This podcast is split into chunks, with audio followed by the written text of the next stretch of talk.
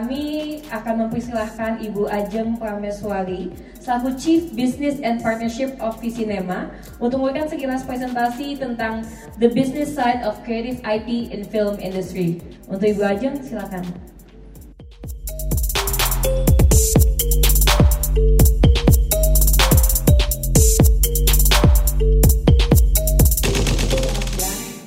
Terima kasih sebelumnya waktunya ke kepada Mas Robi diundang dan kata apel, Apatara, acaranya juga seru banget.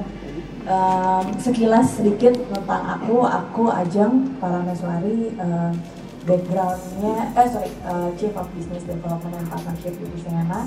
Backgroundku sebenarnya nggak ada dari sisi kreatif, um, saya dari banking, um, sempat kerja di Citibank, um, AMZ yang kemudian hari ini jadi DBS dan um, Permata Bank itu cuma kenal Visinema sudah lama sekali um, dan tertarik dengan visi dan pengembangan bisnis modelnya. Jadi saya memutuskan untuk join Visinema dan menjadi bagian dari pengembangan.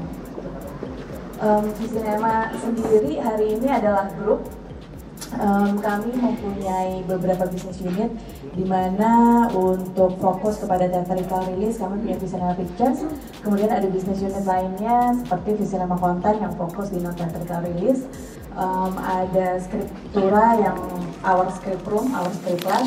Kemudian kami juga ada Visinema Music yang um, monetize untuk musik-musik yang kami gunakan dan juga ada talent development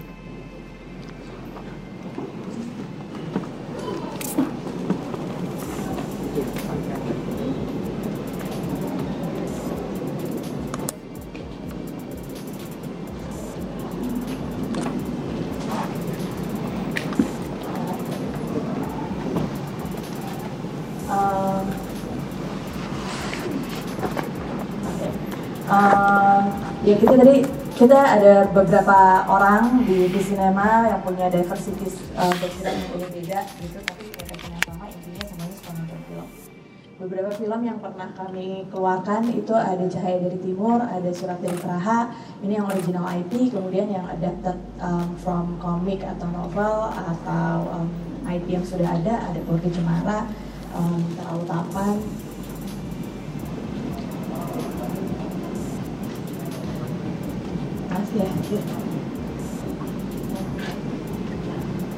Um, saya di sini um, untuk bicara tentang how cinema benefit from adapting IP, uh, adapting comic and novel into uh, film gitu. Jadi memang hari ini IP into film itu um, lagi gaungnya lagi pincang banget gitu karena yang sebelah kiri ngomong how to build an IP yang sebelah kanan ngomong how to uh, build sustainable ecosystem IP kenapa? Karena memang Indo Indonesia movie uh, landscape-nya lagi uh, bagus banget.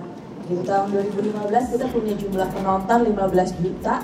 Tahun ini targetnya adalah 60 juta jumlah penonton film Indonesia. Jadi um, sudah empat kali lipatnya sendiri di tahun ini di Asia Pacific box office generate 15 billion di 2017 dengan increase-nya 44% di lima tahun terakhir dan yang paling tinggi increase-nya ada di Indonesia Film gitu sebesar 28%. Kemudian Indonesia Film Industry contribute 69 billion di country economy di 2015 dan growth-nya 7%, 7% lebih untuk setiap tahunnya hari ini Indonesia Film um, kontrol 40% di uh, film di bioskop. Um, jadi Indonesia Film udah jauh banget uh, majunya kalau kita bandingkan sama beberapa tahun sebelumnya. Jadi memang secara industrinya lagi seksi banget, um, lagi berkembang banget dan masih belum ketemu titik-titiknya gitu. Jadi belum saturated gitu. Jadi di sini sekarang memang um, film ini apalagi film Indonesia dan creating IP kemudian jadi sesuatu yang um, seksi.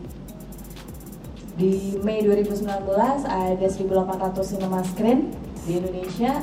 Expectednya dalam 3, 3 tahun datang ada 3.000 screen. Jadi um, udah almost double. Nah, um, sebenarnya IP itu di mana sih dalam film gitu? Jawabannya di semuanya. Gitu. IP itu berat dari mulai kita create uh, script, sampai kemudian ada karakter sampai menjadi sesuatu sampai ada musiknya sampai menjadi sesuatu yang kita lihat di dalam screen um, kita gitu. Itulah um, yang kita sebut di ini tadi yang aku mention karena ini lagi cerita tentang uh, adapting uh, novel sama komik di dalam uh, film. Jadi ini beberapa IP yang sudah uh, kita adapt. Uh, ada filosofi kopi dari novelnya Mbak Dewi. Kemudian keluarga Cemara, um, kemudian ada terlalu tampan dan yang terakhir yang akan tayang di 2020 itu ada nanti kita cerita hari ini uh, bukunya Marcella. Challenge-nya apa sih kalau misalnya ditanya tentang adapting kreatif IP selama ini yang pernah kita um, jalanin itu yang pertama adalah original IP audience expectation, expectation gitu. Jadi ya sudah pasti pembacanya itu udah punya ekspektasi sendiri. It's either we met their expectation atau kita harus beyond gitu. Nggak usah jauh-jauh kayak kemarin Lord of the Rings aja dua episode terakhir itu udah sekelas dunia gitu. Untuk pembacanya uh, di dua episode terakhir itu lumayan dikritik tuh gitu karena memang secara novelnya juga belum selesai dan kemudian punya interpretasi um, sendiri. Jadi pasti untuk audience ekspektasi itu merupakan challenge kita yang paling besar gitu. Apakah kita their expectation atau enggak? Kemudian acquiring IP license proses um, ini kita juga um, prosesnya jadinya lebih panjang karena kita mesti ketemu IP ownernya dulu, kenalan lagi sama IP owner, sama IP ownernya terus udah gitu nanti kemudian ada legal um, oke okay, kemudian cerita baru kita bisa development gitu. Sementara kalau di original IP kita tinggal masuk ke dalam um, script room udah gitu tinggal development sendiri. Um, obviously pasti lebih ekspensif dari sisi bisnisnya karena memang uh, kita ada IP yang harus kita beli license-nya dan IP ownership-nya nggak total di kita. Beda sekali sama misalnya contoh Cahaya dari Timur gitu. Cahaya dari Timur karena memang IP-nya IP kita sehingga ownership-nya ada di kita. Kita mau gimanain itu terserah kita. Cuma kalau misalnya memang adapting, IP ownership-nya kita bagi. Di sinema biasanya um, akan ambil misalnya contoh di terlalu tampan um, komiknya ada di webtoon kita ngobrol dengan webtoonnya kemudian di sinema mempunyai license untuk theatrical rilisnya gitu. Nanti kalau misalnya ternyata ada oh ternyata kita berkolaborasi sama brand untuk bikin um, video effortnya gitu. Ya kita akan ngobrol lagi sama uh, ID owner untuk license di effort. Jadi ownershipnya nggak seluruhnya ada di kita. Nah ini how movie maker benefit from creative IP. Nah, uh, bedanya kalau IP yang original dan IP yang yang adapting itu paling nggak sisi di securing fund sama di product placement itu kita lebih jalannya tuh lebih enak. Kenapa? Karena memang hype-nya sudah ada dari pembaca, niche marketnya sudah ada dari pembacanya gitu. Jadi sisi awareness dari in terms of promotion, in terms of um, securing funds dan product placement itu juga lebih easier buat kita gitu. Terus kemudian ada distribution deal um, dan trademark and merchandising. Ini sedikit contoh. Ini sedikit contoh untuk kayak kemarin keluarga Cemara, um, thanks to Akatara yang sudah mempertemukan juga um, Cinema dengan Ideal Source waktu itu. Um, jadi keluarga Cemara untuk securing fundsnya kita ketemu di Akatara, um, uh, eh sorry kita melalui Akatara ketemu dengan Ideal Source waktu itu. Gitu. Jadi dan Ideal Source karena memang ini IP-nya sudah cukup well known um, jadi memang lebih percaya ini yang tadi aku bilang secara in terms of securing funds memang lebih gampang gitu dan kita di keluarga Cemara selain ada Ideal Source juga ada um, Kaskus dan beberapa uh, um, individu yang ikutan di dalam keluarga Cemara untuk product placement sebenarnya kita mulai product placement itu di dalam film itu udah jauh. Di tahun 1927 waktu itu Hershey's masuk ke dalam film Wings. Ini jadi udah lama banget gitu sampai hari ini pun masih relevan product placement gitu.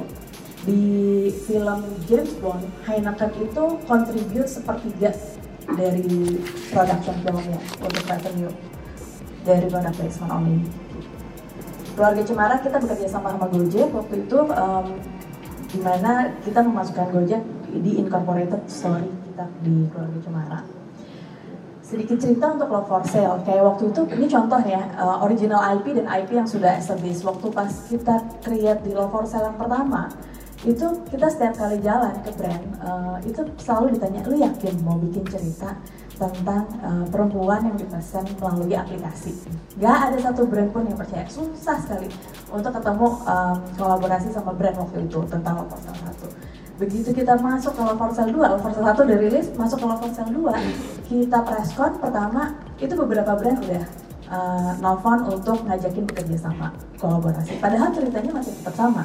Ceritanya tentang tentang itu juga gitu. Maksudnya uh, secara topik masih sama gitu. Tapi ini yang menunjukkan bahwa um, IP yang sudah established akan lebih mudah di dalam um, menghasilkan revenue seperti kayak produk placement tadi.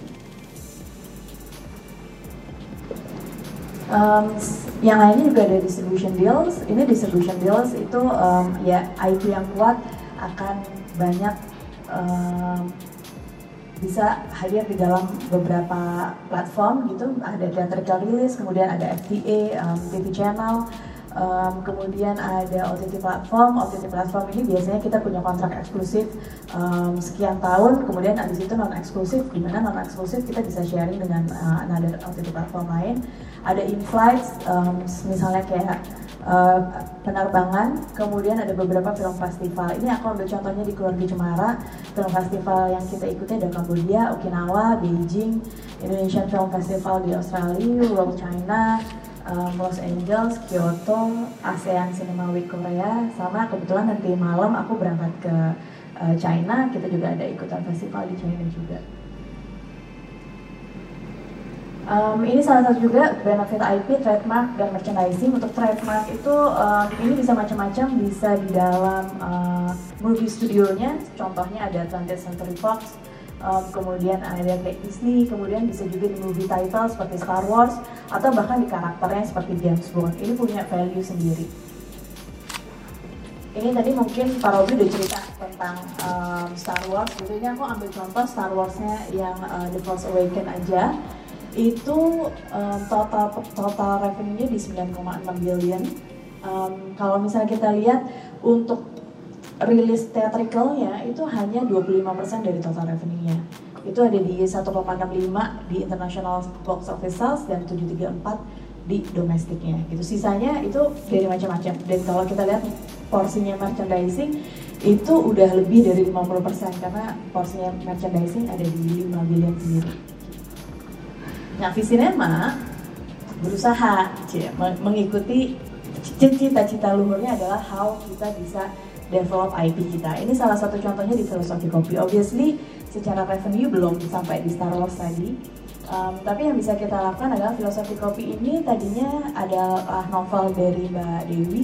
Kemudian kita travel um, IP-nya pertama kali di, di film Filosofi Kopi 1 dari film filosofi kopi satu kemudian kita masuk ke dalam um, effort waktu itu kita bikin lima series um, di, di YouTube dan kita bekerja sama sama dua brand um, Toyota dan uh, Samsung waktu itu untuk bikin effort uh, mini filmnya dan kemudian kita masuk ke audio content jadi kita bikin radio play sebelum film-film di Filosofi Kopi 2-nya rilis gitu. Masuk lagi Filosofi Kopi 2 di theatrical rilis. Setelah itu kita punya um, seriesnya, original seriesnya yang akan ada di Esport nanti sekitar 3, 10 episode. Um, dan kita juga in terms of monetizing kita juga ada coffee shopnya. Um, coffee shopnya hari ini udah buka di Melawai, kemudian ada di Jogja dan Semarang soon akan buka di Makassar dan kita dari situ masuk ke digital shop. Jadi filosofi kopi ada filosofi kopi digital khusus untuk jual merchandising. So jadi IP development expanding our capitalization untuk uh, gain bigger revenue. Jadi kita bisa lihat uh, universe-nya nggak cuma dari uh, bioskop aja, tetapi bisa dari uh, macam-macam termasuk salah satunya di merchandising gitu. Itu uh, kurang lebih dari saya. Thank you. Terima kasih. Ya mungkin ada yang ingin bertanya langsung? Boleh bapak silakan halo selamat siang ya. Uh, tadi kan salah satu unit bisnisnya Cinema adalah Cinema Pictures. Uh, sebenarnya pertanyaan saya sekarang uh, lebih kepada hmm, opini sih. Nah waktu 2018 kan uh, Cinema Pictures produce Love for Sale 1 Di mana waktu itu uh, Gading sama Della dinominasikan buat Piala Citra 2018 Nah gimana perasaannya uh, waktu akhirnya Gading yang terpilih sebagai aktor terbaik PV 2018 itu aja. Makasih. Oh, jadi kita seneng banget pasti. jadi kita seneng banget pastinya karena waktu pas jadi gini waktu pas kita um, apalagi di tempat saya ya di saya di business development ya. Waktu pas um, waktu itu Angga kebetulan pitch the idea. Jam gue punya cerita bagus gitu. Ceritanya begini begini begini begini. Oke okay, bagus sih ceritanya. I believe with the I, I believe with the story gitu ya.